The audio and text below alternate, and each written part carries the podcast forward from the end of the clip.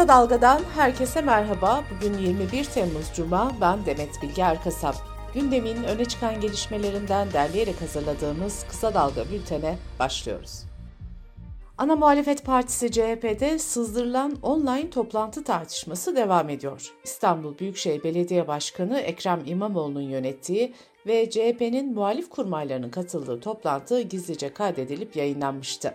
Toplantıya katılan isimlerden CHP Grup Başkanı Özgür Özel bu toplantıların doğal olduğunu belirtirken istifa etmeyeceğini söyledi. Ekrem İmamoğlu ise kaydın nasıl sızdırıldığının araştırılacağını söylemişti.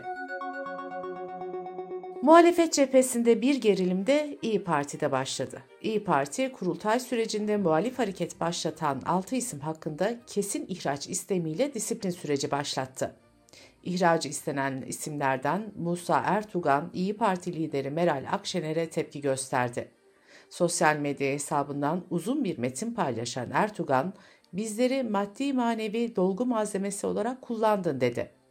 Ertuğan mesajında kimlere tuzak kurduğunu konuşalım, bu saatten sonra konuşacağız ifadelerini kullandı. Türkiye ile Birleşik Arap Emirlikleri arasında 50 milyar 700 milyon dolar değerinde stratejik anlaşma ve mutabakat zaptı imzalandı. İki ülke arasında imzalanan 13 anlaşmadan biri suçluların iadesini de kapsıyor.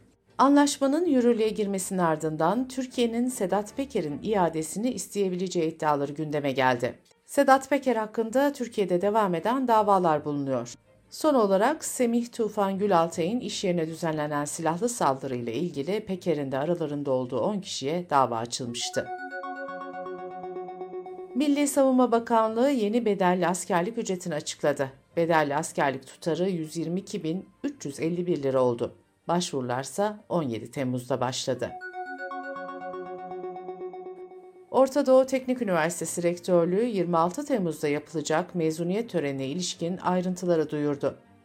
Devrim Stadyumunda yapılacak mezuniyet töreni daha önce görülmemiş güvenlik önlemlerine sahne olacak.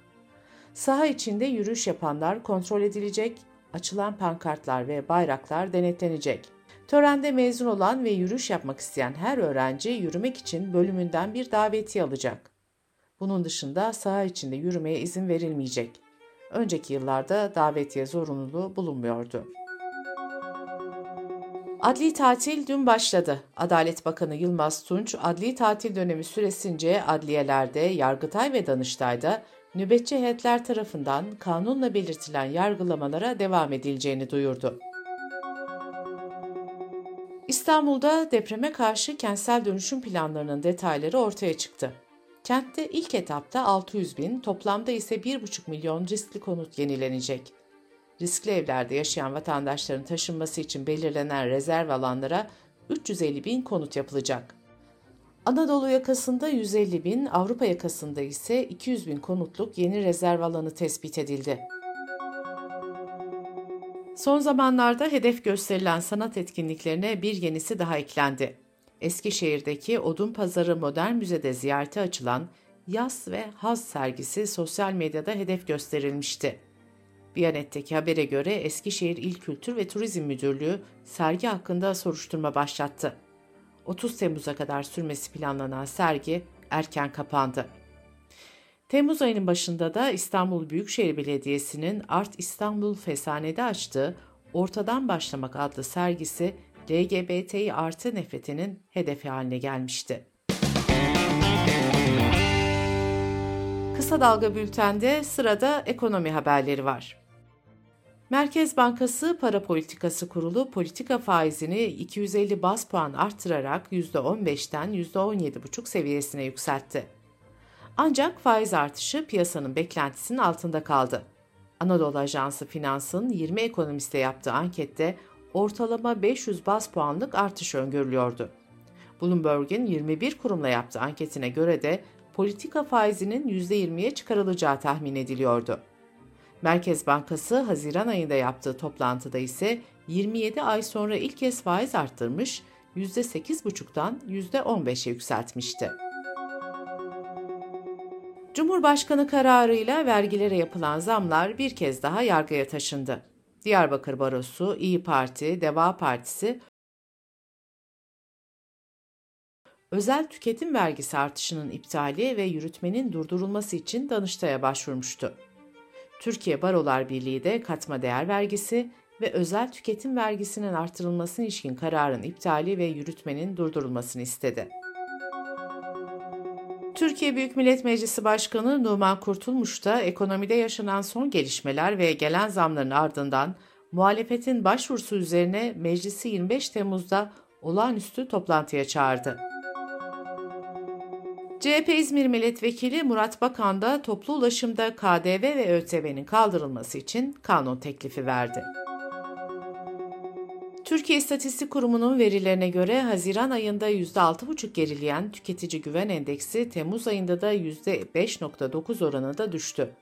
Vatandaşların gelecek 12 aylık döneme ilişkin genel ekonomik durum beklentisi de %11,3 oranında geriledi.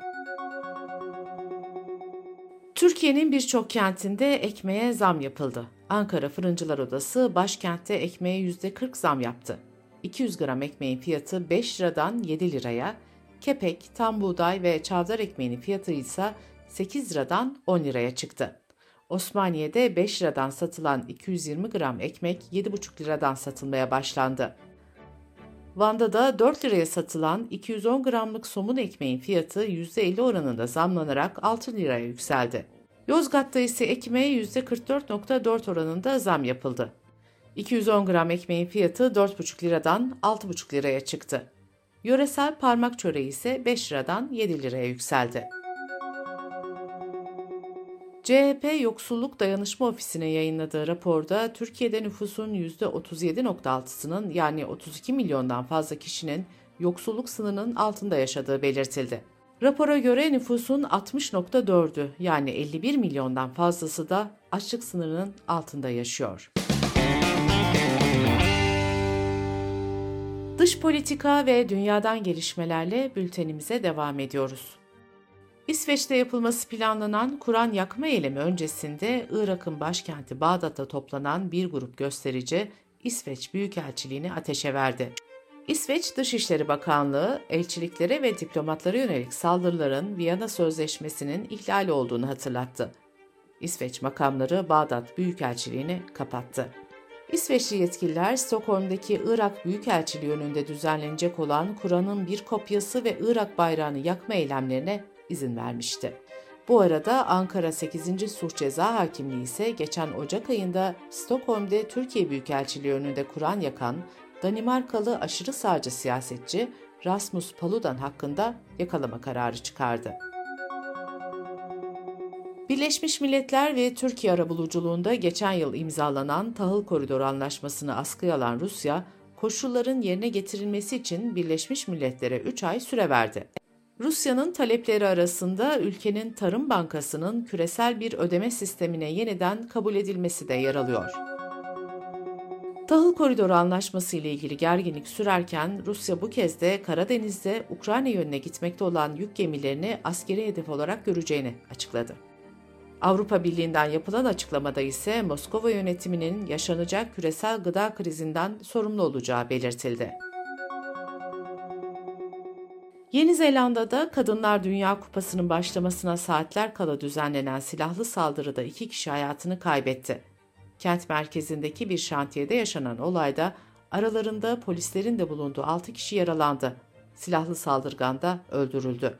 Yeni Zelanda Başbakanı saldırının arkasında herhangi bir siyasi ya da ideolojik motivasyonun tespit edilemediğini açıkladı. Avrupa Parlamentosu bağlantılı yolsuzluk soruşturmasında adı geçen Belçikalı milletvekili Marie Arena'nın evi ve yakınlarına ait bazı yerlerde aramalar yapıldı. Avrupa Parlamentosu'nun sosyalist milletvekillerinden Arena'nın adı yolsuzluk soruşturmasında gözaltına alınan şüphelilerle iletişimi nedeniyle sık sık basında yer alıyordu. Bültenimizi kısa dalgadan bir öneriyle bitiriyoruz.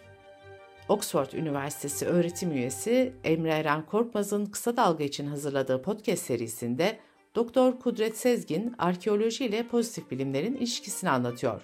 Bu ilginç söyleşiyi kısa dalga.net adresimizden ve podcast platformlarından dinleyebilirsiniz.